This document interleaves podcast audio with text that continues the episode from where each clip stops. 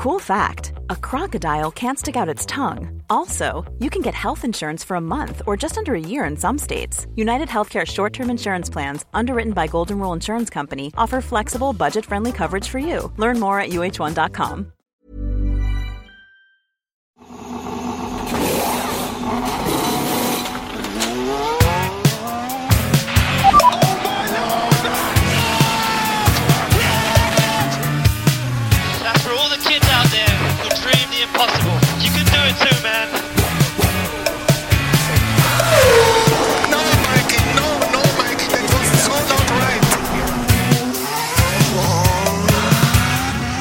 claps and steering wheel.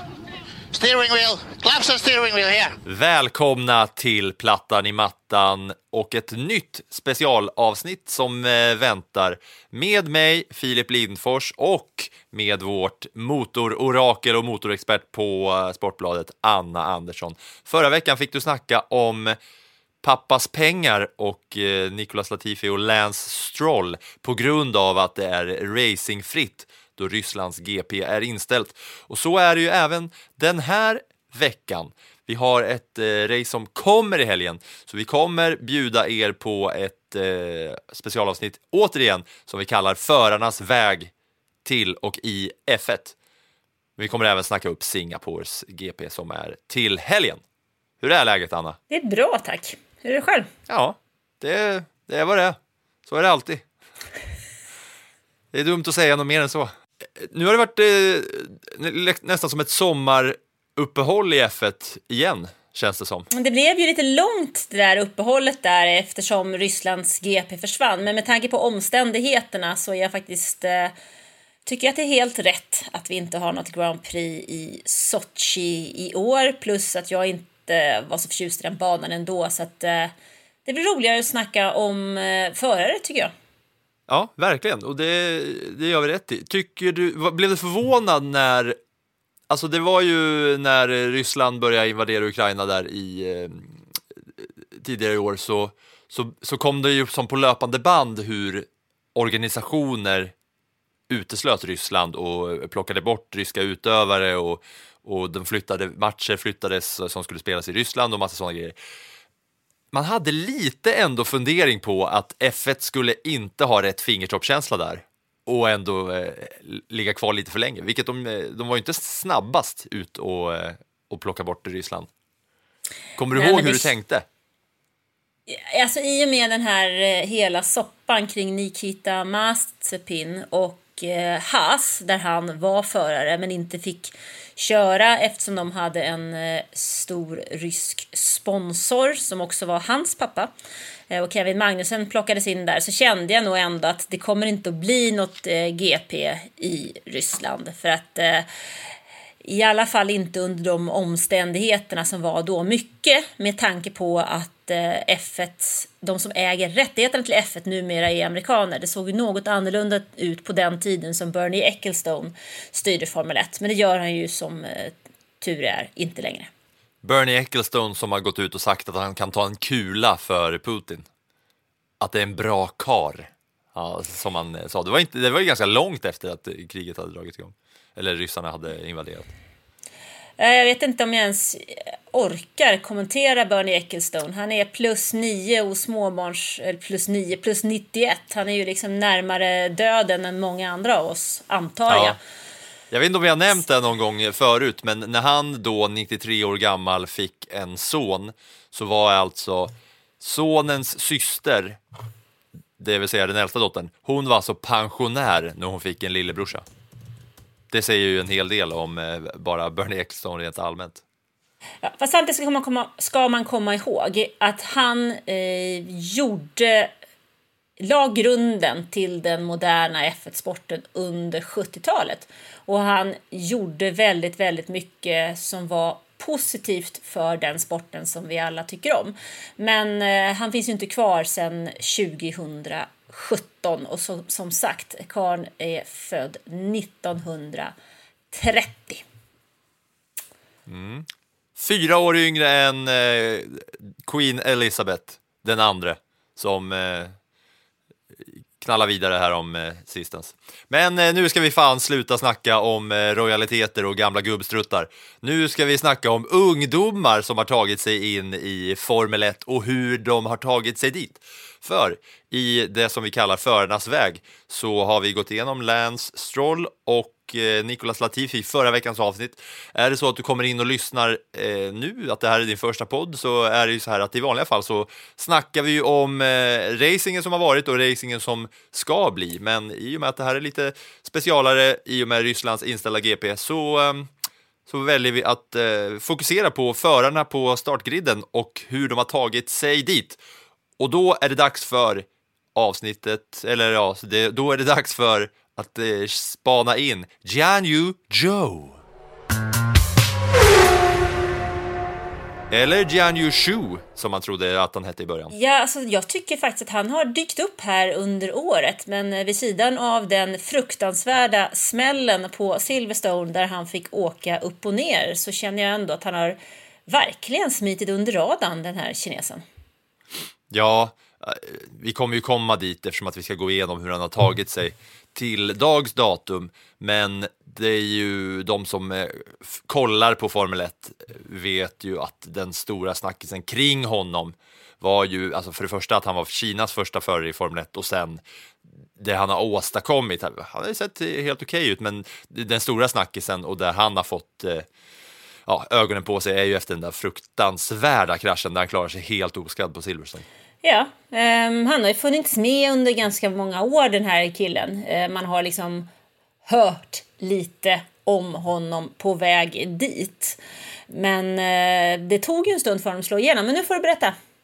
Jag ska berätta att han föddes 1999 i Shanghai och han har hunnit då alltså bli 23 år gammal.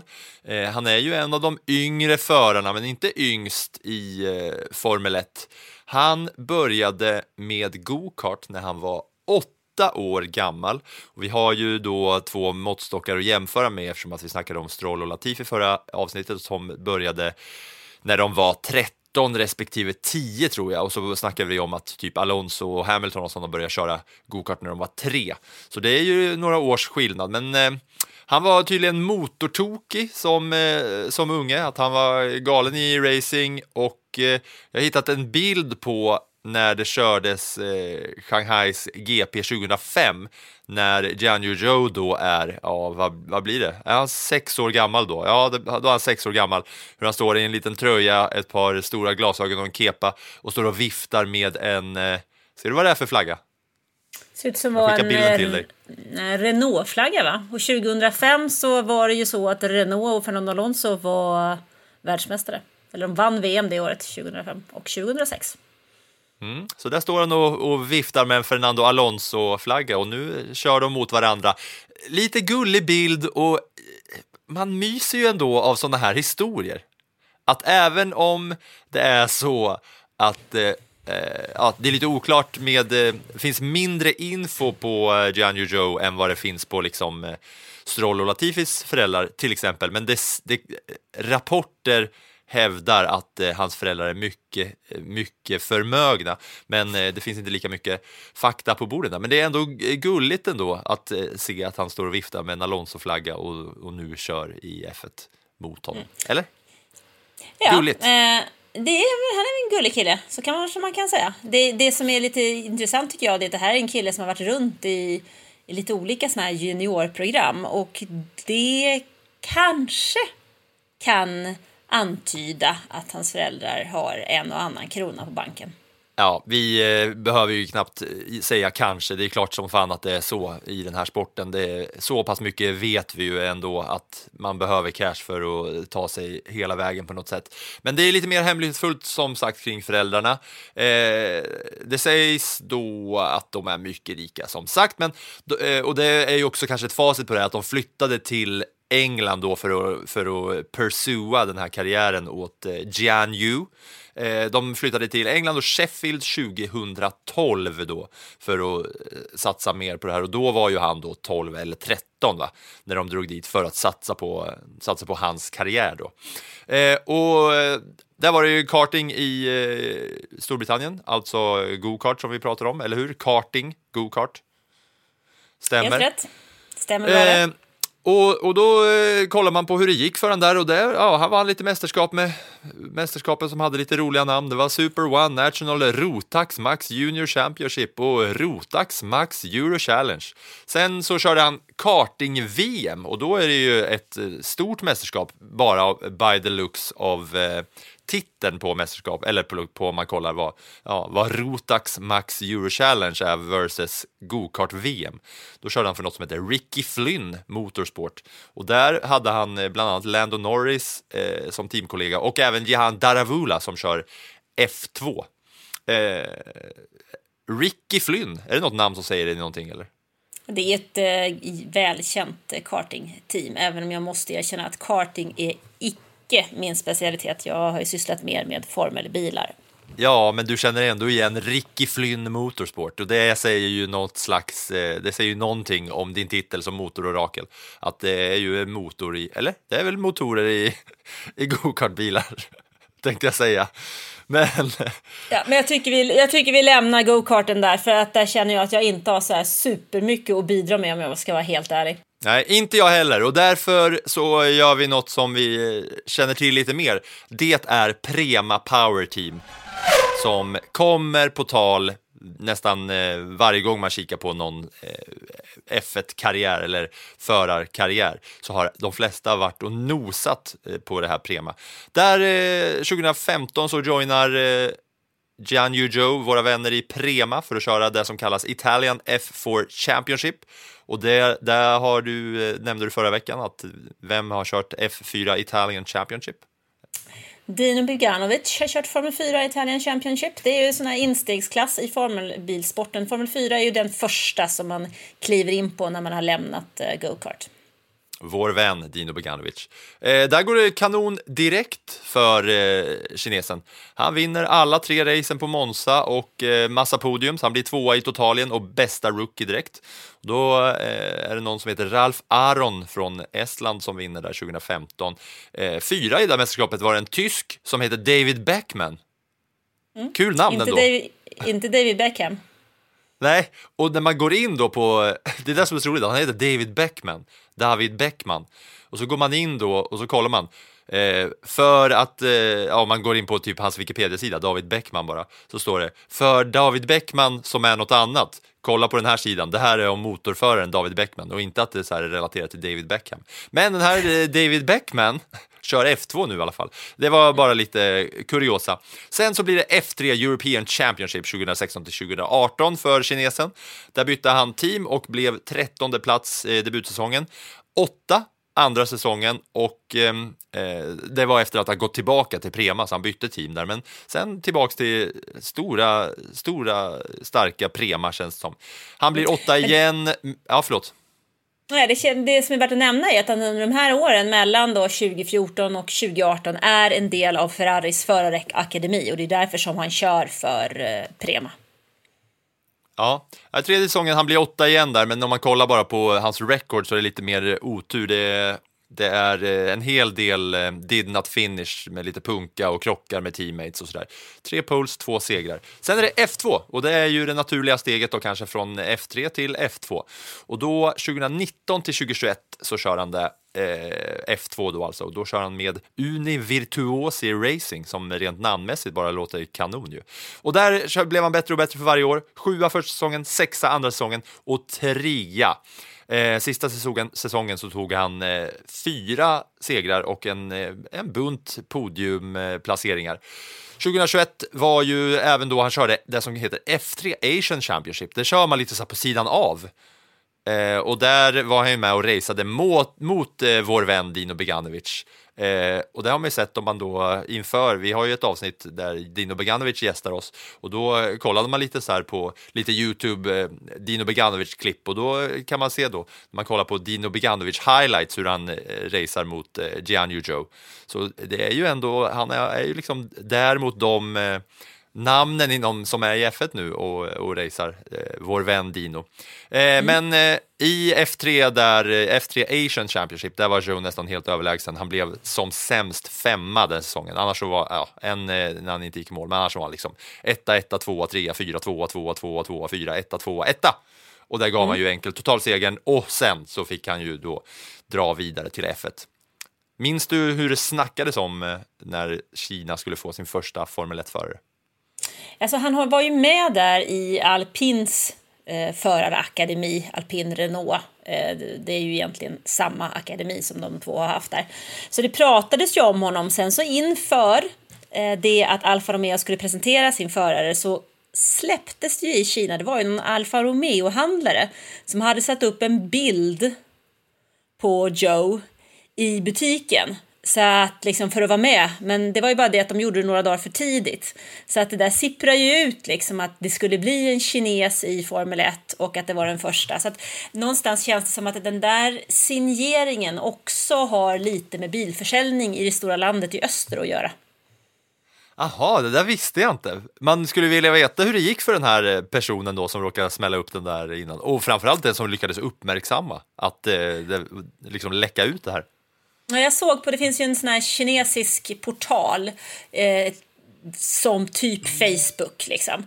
Och där var det någon som jag såg, det första gången jag såg det var att, att jag såg en, fick från en, en eh, bekant som bor i Kina som hade sett den och tog en skärmdump och skickade den till mig från den kinesiska, heter den Weibo heter den va, tror jag, den kinesiska Ja, plattformen. jag, där. kan, jag, är inte, jag är inte jättebra på eh, kinesiska sociala medier. Nej, inte, normalt sett inte jag heller, men jag tror att den heter något sånt. Men i alla fall, så var det som jag fick nys om det där, att det var på gång. Och han hade sett den för någon, av någon som hade, ja du vet, allting sprids ju som ringar på vattnet numera. Sociala medier är ju helt livsfarligt. Ja, men sen blev han då, eh, ja, alltså vägen in där som sagt, eh, Ferrari Driver Academy bytte till Renault eh, och sen så var han testförare då för Renault 2020. Men eh, ja, sen så var det då den läckta bilden som eh, förkunnade att han skulle bli den första kinesiska föraren genom eh, tiderna. Stort ju för ett, en sån stormakt att eh, få in då i en sån här sport och särskilt i den tidva, det är liksom Formel 1-tidevarvet vi lever i, där Formel 1 är mer populärt än någonsin får man väl ändå säga va? Mm. Jag är imponerad också att han tog ju faktiskt poäng i sin debut. Ehm, men sen är det ju som alltid, det är svårt att vara bättre än vad bilen är och Alfa Romeo som har en Ferrari-motor är ju snabb men väldigt, väldigt känslig. Det har vi också lärt oss under året. Ja, absolut. Och sen, eh, eh, ja, om man kollar på då hur det gick, alltså han gjorde ju debut eh, i år ska sägas, alltså 2022 är det i år va? ja, 2022 är det i år. Eh, han var ju testförare i Österrikes GP för, eh, ja, för alpin 2021 va? Och så var det, det började liksom, det började ju bra och man tänkte, ja fan, det, och framförallt i början av säsongen för Alfa Romeo, som alla hade dömt ut inför. Att de, de gick ju bra där i början. Det var poäng till Joe i, i Bahrain, han tog, blev tia. Sen var han 11-11 och det får man väl ändå se som bra för en rookie för ett, eh, för ett team av Alfa Romeos klass. Men sen så började det gå dåligt eh, rent för, ja, för den där Ferrari-motorn när den fick den har ju gett upp ett par gånger och det har ju drabbat Joe en hel del. Han har ju ett par eh, did not finishes och, eh, ja, och sen så har vi kraschen då på Silverstone som är väl det man minns han mest för den här säsongen va? Där Men Halon återigen fick eh, stå i strålkastarljuset. Mm. Men vi kan inte döma ut honom fullständigt för han har ändå gjort en helt, eh, helt okej första säsong i F1 och tagit eh, poäng. Det är långt ifrån alla förare som gör det. Nej men jag tycker, alltså jag dömer verkligen inte ut honom. Tvärtom, jag hoppas att folk förstår här att jag inte dömer ut honom. Jag, jag försöker liksom mer snacka upp honom och säga att när bilen väl funkar så, så har han qualities och att han, att han är bra och, och har ju sett bra ut i, i, ja, i många race. Men sen att det har gått åt helvete på grund av motorhaverier. Nej, det var jag som missförstod det då Filip. Då ber jag så hemskt mycket om ursäkt. Ja, det är fan en ursäkt är på sin plats, Anna. Verkligen. Jag känner mig superkränkt här. Det är tur att du ber om ursäkt. Eh, oklart med hans eh, framtid. Hans framtid är oklar. Eh, Alfa Romeo ska ju vara med i det där teamet då fram till och med nästa säsong 2023. Sen snackas det ju om att Audi eh, diskuterar om att få köpa in sig i moderteamet Sauber. Så att vi får väl se vad som händer efter det och han är ju mig veteligen i alla fall inte bekräftad än för 2023. Så att vi får väl se vart det landar. Mm. Nej, eh, spännande att se hur, alltså det är ju just kring att den är före för Alfa Romeo gör ju att det, det finns lite eh, funderingar kring hur det ska bli och med Audi och Porsche och hela faderullan. Så ja, den som lever får väl se, som man brukar säga. Men ja, det är en lite mer komprimerad version av Gianni Joes väg till F1. Nu tar vi en annan förare född i Asien. Hey, I'm Ryan Reynolds. At Mint Mobile, we like to do the opposite of what Big Wireless does. They charge you a lot, we charge you a little. So naturally, when they announced they'd be raising their prices due to inflation, we decided to deflate our prices due to not hating you. That's right. We're cutting the price of Mint Unlimited from $30 a month to just $15 a month. Give it a try at mintmobile.com slash switch. $45 upfront for three months plus taxes and fees. Promo for new customers for limited time. Unlimited more than 40 gigabytes per month. Slows. Full terms at mintmobile.com.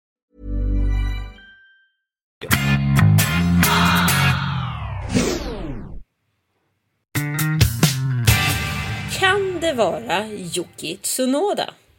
Ja, det hade varit sjukt om du då lobbade upp då någon så här super, eh, superdetalj som att typ Lewis Hamilton föddes eh, i, eh, ja, i Malaysia eller något sånt där på, någon, ja, på något konstigt sätt. Men nej, du har ju rätt. Yuki Tsunoda, va? Född år 2000. Yngst. Och eh, ja, han är född i Sagama, Saga, Sagamihara, Kanagawa och är 22 år. Det, det där säger jag bara för att eh, min vän och kollega Makoto Asahara ska kunna hytta med näven och säga att jag uttalar det fel. Det ska vara Sagimahara Kanagawa egentligen. Men eh, Tsunoda, 22 år, yngst och minst av alla. Han är alltså 1,59 lång. Det är ju, det skulle ju se kul ut om man gick på gatan bredvid mig, om vi var polare. För jag är två meter lång. Ja, det skulle det göra, men eh, han är ju japan då, Yuki Tsunoda. Och jag som har varit i Japan vid ett par tillfällen och jobbat vet ju att till och med jag känner mig som en jätte i det där landet. Vilket ju inte är sådär väldigt eh, eh, vanligt med mina 172 centimeter. Nej, innan, innan jag började jobba på Sportbladet och innan jag började jobba som sportjournalist så har ju jag varit, jag har jobbat som låtskrivare och eh, producent och jag har ju några, eh, skrivit några listettor i Japan och jobbat väldigt mycket med japaner och eh, de har kallat mig för Godzilla och för jätten eh, när jag har suttit då i sessions och, och jobbat med, eh, ja, med japanska låtskrivarteams. Att, eh, många gånger tar man ju liksom en bild när man har suttit och skrivit låtar, men många gånger så vill de ta bild på mig för att det ser så kul ut att jag är så lång. Liksom. Men eh, vi ska inte prata om det här, utan vi ska prata om att Sunoda är jättekort. Skoja. Eh, de längsta i eh, Formel 1, vet du vilka de är? Alltså det brukar ju vara förare som är plus 1,80 vilket ju egentligen inte är sådär väldigt långt. Eh, Marcus Eriksson ansågs ju vara lång på sin tid. Eh, Esteban Ocon är förhållandevis lång. Alex Albon är förhållandevis lång. Vad kan vi prata om där? 1,85, 1,86 kanske? Ja, du är helt rätt på det. Jag har alla förares längd uppskriven här. Och jag blev lite chockad när jag såg att de bara inom eh, citationstecken då är 1,86 Albon och Ocon. För de känns ju, när man ser dem bredvid alla andra, så känns de så långa och smala när man ser liksom föraruppställningen i F1. Det känns ju som att Ocon minst sagt är ja, 1,95 plus, men ja. Eh, Men Det där, är lite, det där är lite roligt och lite relativt. Eh, Min man har ju varit eh, handbollsmålvakt i alla år. Eh, Och mina eh, kompisar som har haft... eh, legendary alltid- svensk handbollsmålvakt Mattias Andersson. Ja, men i alla fall, i alla fall så har ju han ju alltid sett så himla kort ut på eh, handbollsplan när, man har stå, när han stått bredvid alla andra. Så att mina kompisar har alltid tyckt att han är väl rätt kort va?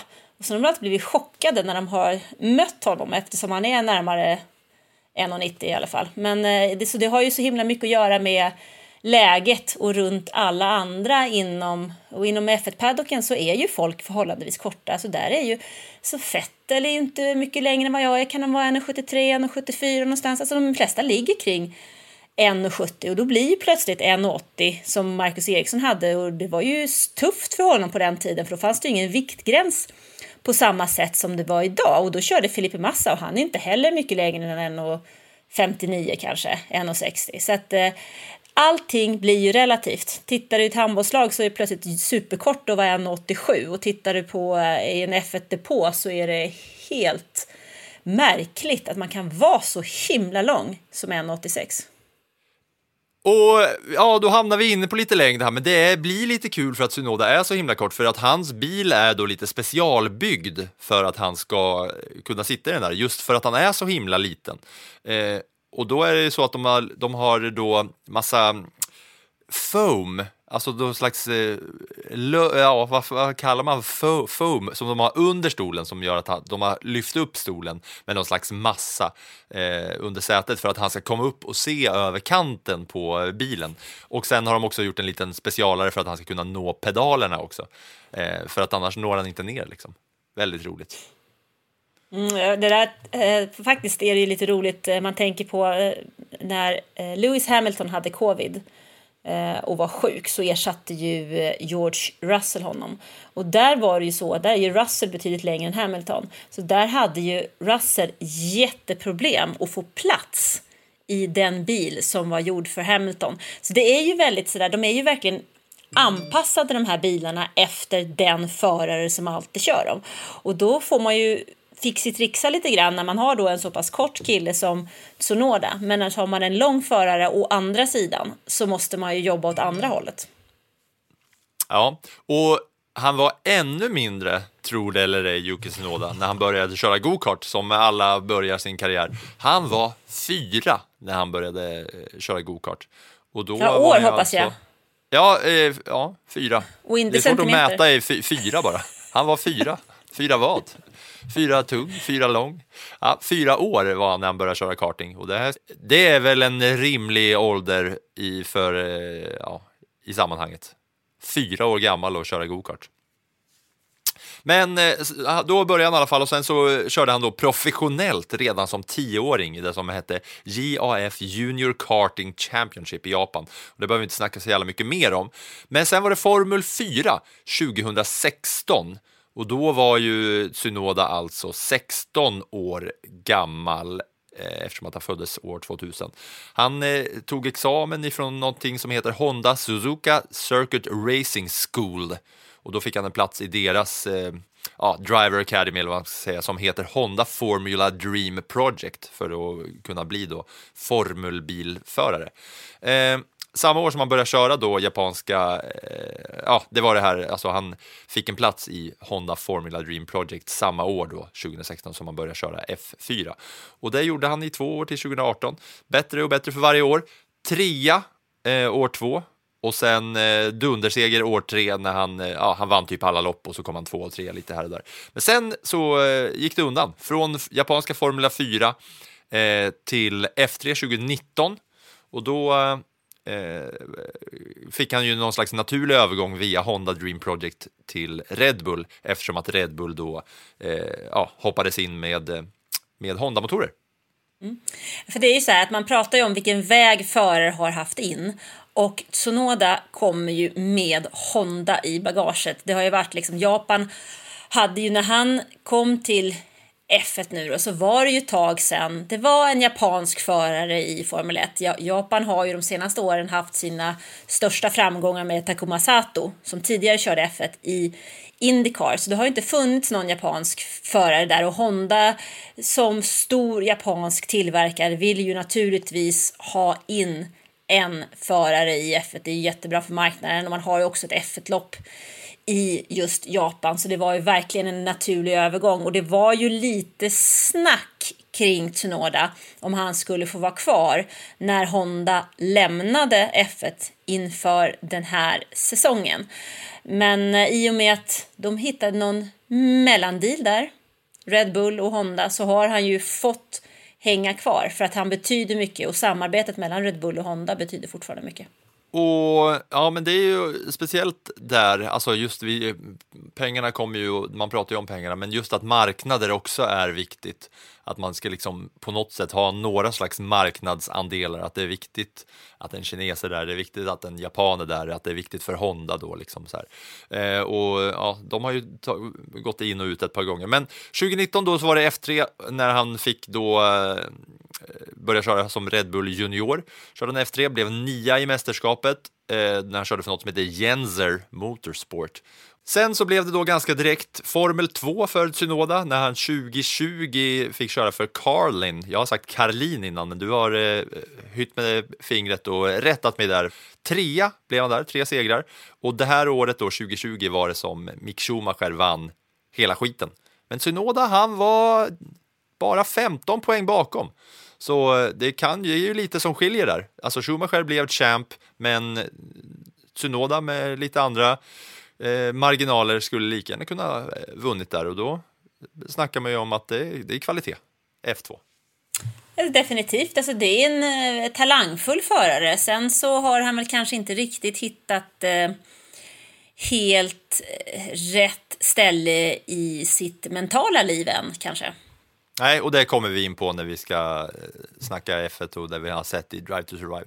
Men det är alltid kul som sagt att kolla in hur, eh, hur eh, liksom startfältet såg ut när man är inne på en förares, förares väg. För just då det här året när Schumacher vann 2020 i F2 så var Sunoda 15 poäng bakom.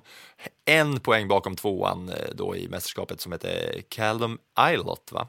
Och Sunoda var före sådana som Mazepin, Joe och Juri Vips och hela faderullan.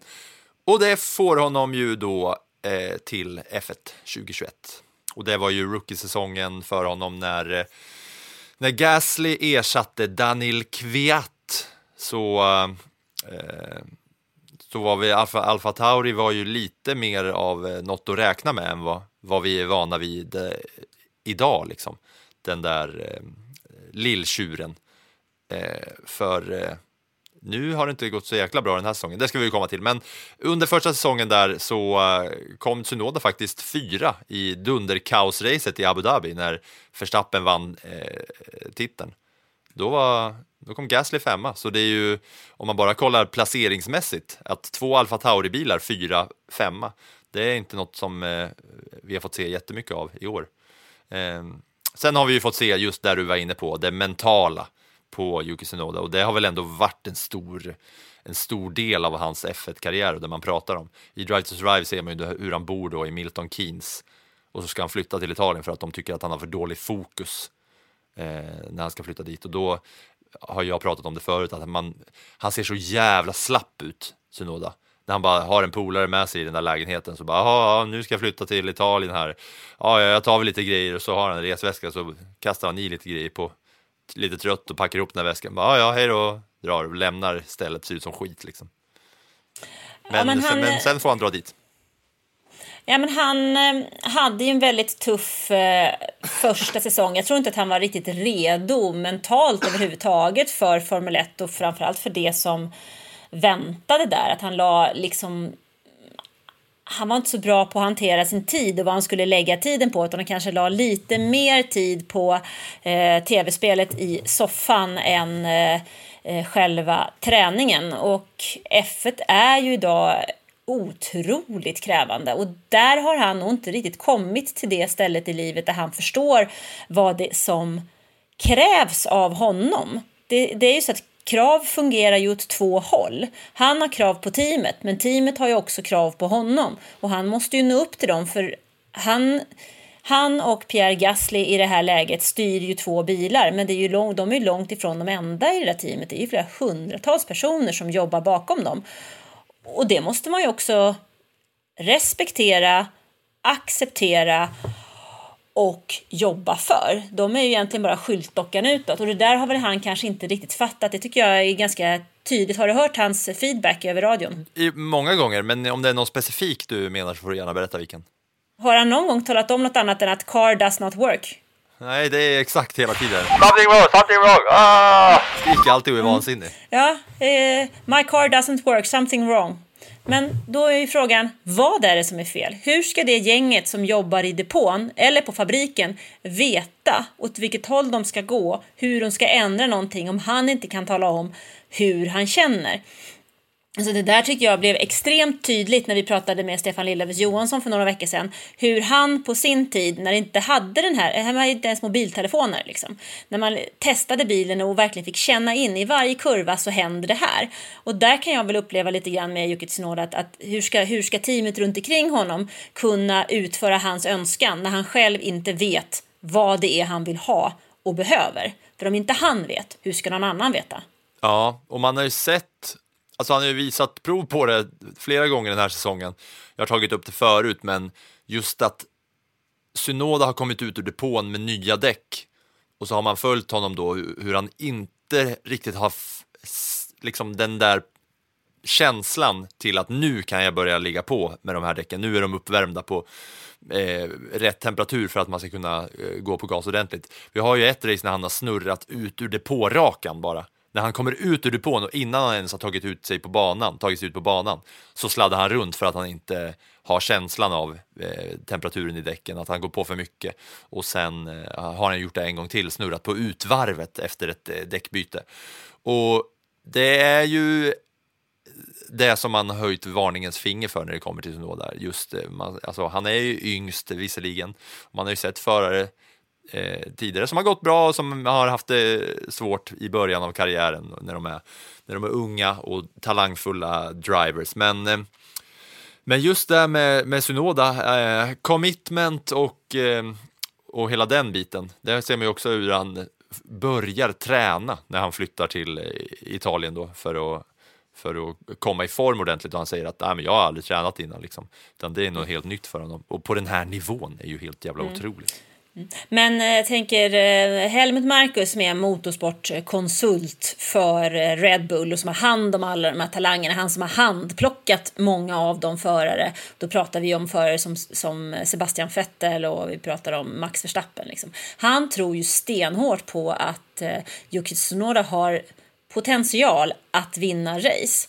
Men han måste ju lära sig att hantera sina Eh, Eh, utbrott, de som man har i bilen. Och han måste också lära sig att omsätta saker. För någonstans är det ju så att när, alla kommer, när man kommer till Formel 1, det är väldigt få som är sådana supertalanger som exempelvis Lewis Hamilton som ställer sig på en prispall i sitt första race. En annan sån är ju Kevin Magnusson, han tog också en prispall i sitt första race. Men sen tar ju de där karriärerna olika vägar. Någon lär sig ju att ta in det som händer och bygger på av erfarenheten och lär sig gå vidare. En annan gör inte det utan stannar kvar på samma nivå. Och det är det som är skillnaden och där är väl det som en, en förare som Yuki Tsunoda måste jobba med. Det är ju att lära sig att utveckla sig, att ta in saker och att omvandla dem och gå vidare i sin karriär. Och det är väl där lite grann som han står nu och väger. Var ska den här karriären ta vägen? Klarar han av att omsätta? Klarar han av att, och hantera informationen och processa det och utveckla sig? Eller är det så att han blir den snabba föraren som bara skriker över radion? Mm. Vad, vad tror vi om framtiden då eh, för Tsunoda och eh, hans eh, framtid i eh, småtjurarna. Det finns ju verkligen ingen väg framåt för honom upp till stortjurarna. Det kan vi väl slå fast så här redan nu, eller hur? Alltså just nu så gör det ju inte det. Inte så länge Sergio Perez har ett kontrakt in till Max Verstappen och det har han i två säsonger till. Det som är är ju frågan lite grann vad som händer hos Alfa Tauri. Alfa Tauri har ju haft problem i år om man jämför med Red Bull så har ju de inte alls eh, klarat av den nya regeländringen på samma sätt. Men vad händer där? Är Pierre Gasly kvar en säsong till eller är han inte det? Ska Yuki Tsunoda bli en teamleader ifall Gasly försvinner? Nej, det tror jag inte på. Då måste man hitta någonting annat för det känns inte som han kan leda ett team, ta hand om de relationerna och utveckla bilen på det sättet som en förare som Gasly eller Gasly kan göra. Så det, det, är nog lite grann frågan om vart är teamet på väg och vad är den and, vilken andra förare sitter i den andra bilen. Mm.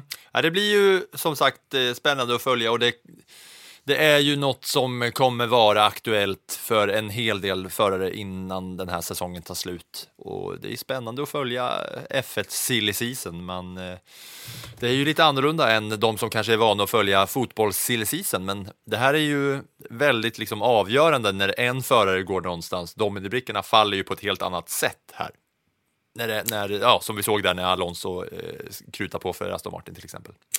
Ja men så är det ju. Och sen är det ju sådär att det som man, det har jag sagt förut, men i F1 är ju ingenting skrivet i sten. Och skulle det vara så att det är skrivet i sten så kan man välta den stenen. För det finns så mycket andra intressen, precis som vi pratade om den kinesiska marknaden. Motorleverantörer, det finns andra. Var vill Red Bull sälja? Vad är det Red Bull vill sälja för någonting? Vill de sälja eh, energidryck eller vill de sälja kläder med Alfa Tauri? Och vilken marknad vill de in på då? Är det så att de vill in och ta delar av den amerikanska marknaden? Ja, då kan det plötsligt vara så att en förare som Colton Herta som kör Indycar blir väldigt intressant för han skulle tillföra andra ämnen till det här teamet. Så att, um, det är en väldigt, väldigt komplex värld och det är nästintill helt omöjligt att säga att så här blir det. För vi vet aldrig vilka brickor vi spelar med.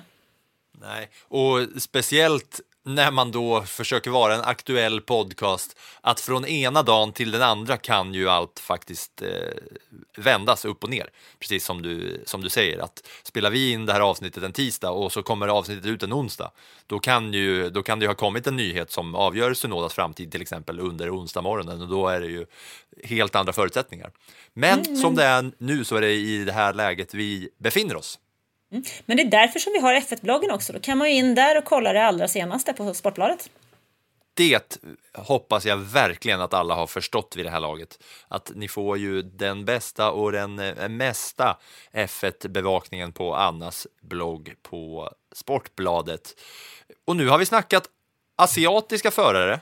Första avsnittet blev ett eh, pappas pengar-tema och nu blev det ett asiatiskt tema. Och vad passar då inte bättre att, än att snacka upp Singapores GP som är nu i helgen den 2 oktober efter det långa uppehållet. Så vi tar oss ett kik på vad som väntar.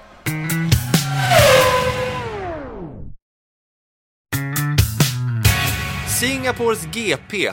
Vad är det som eh, väntar här nu då efter en eh, två veckors uppehåll? Eller är det tre veckor? Två veckor?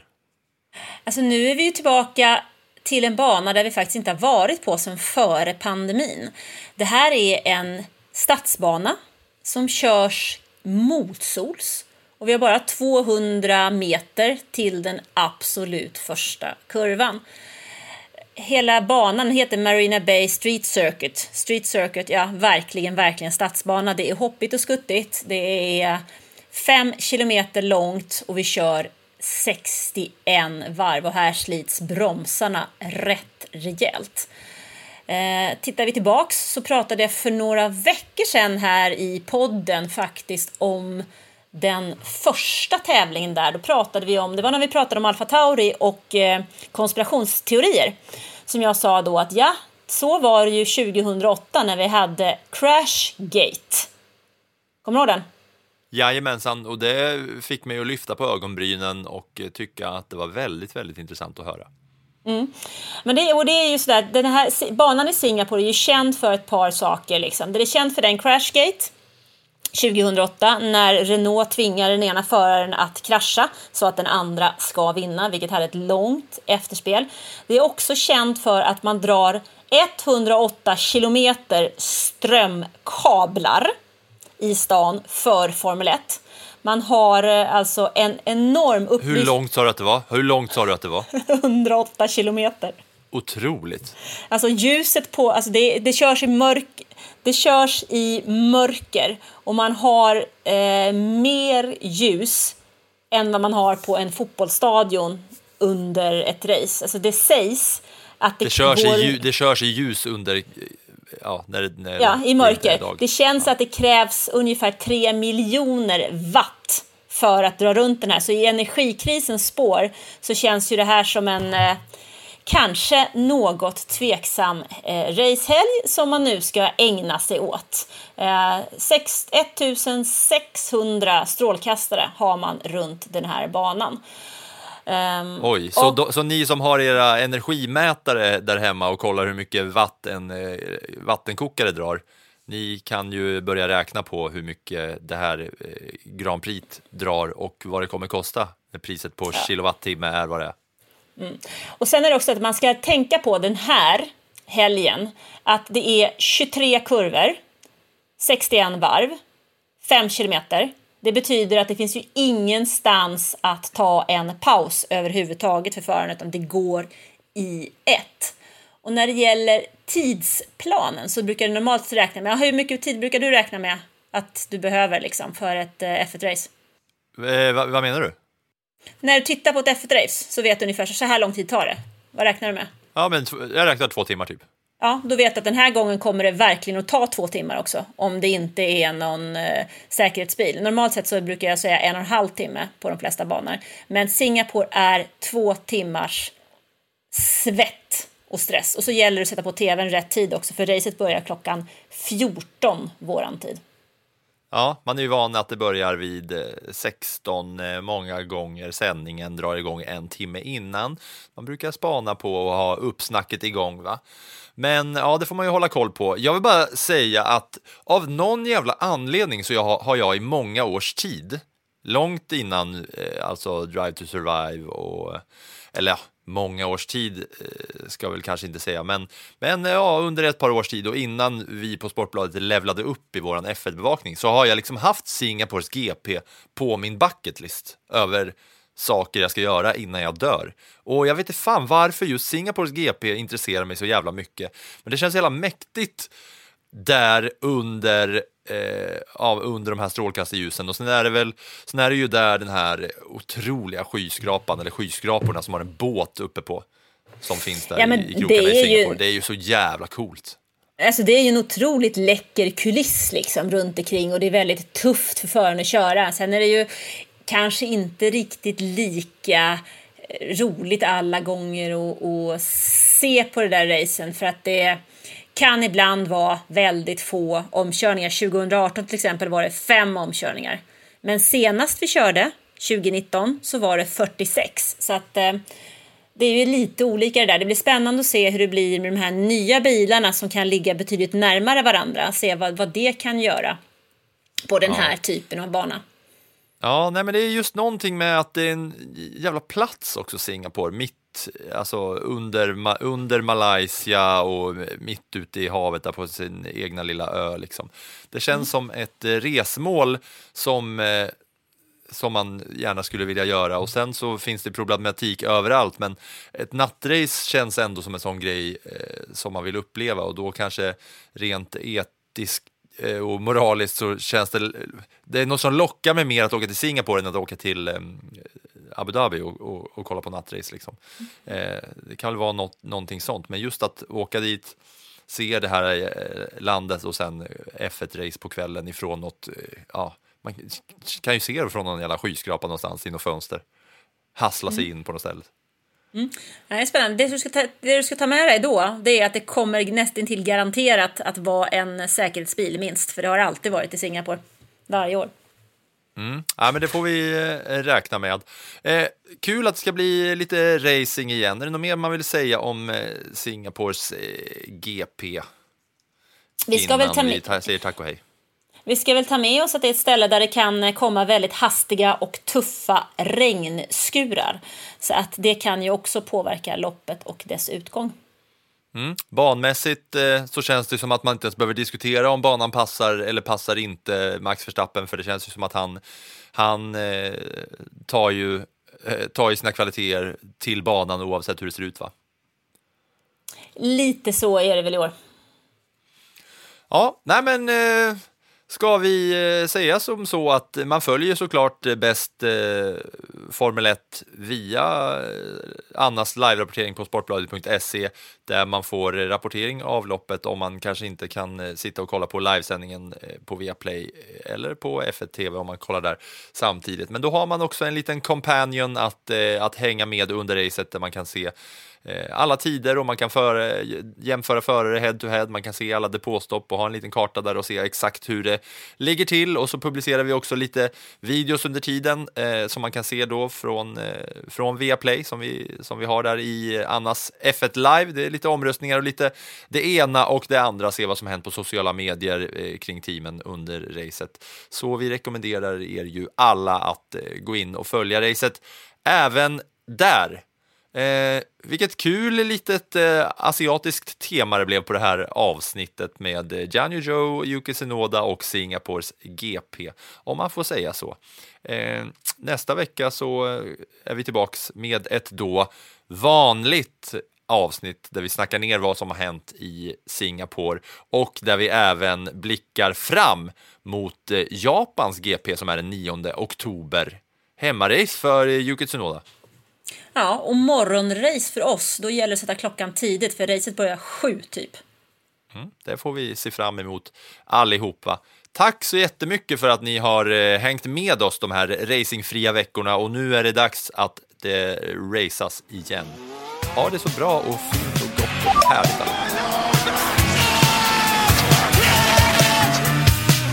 That's for all the kids out there who dream the impossible. You can do it too, man.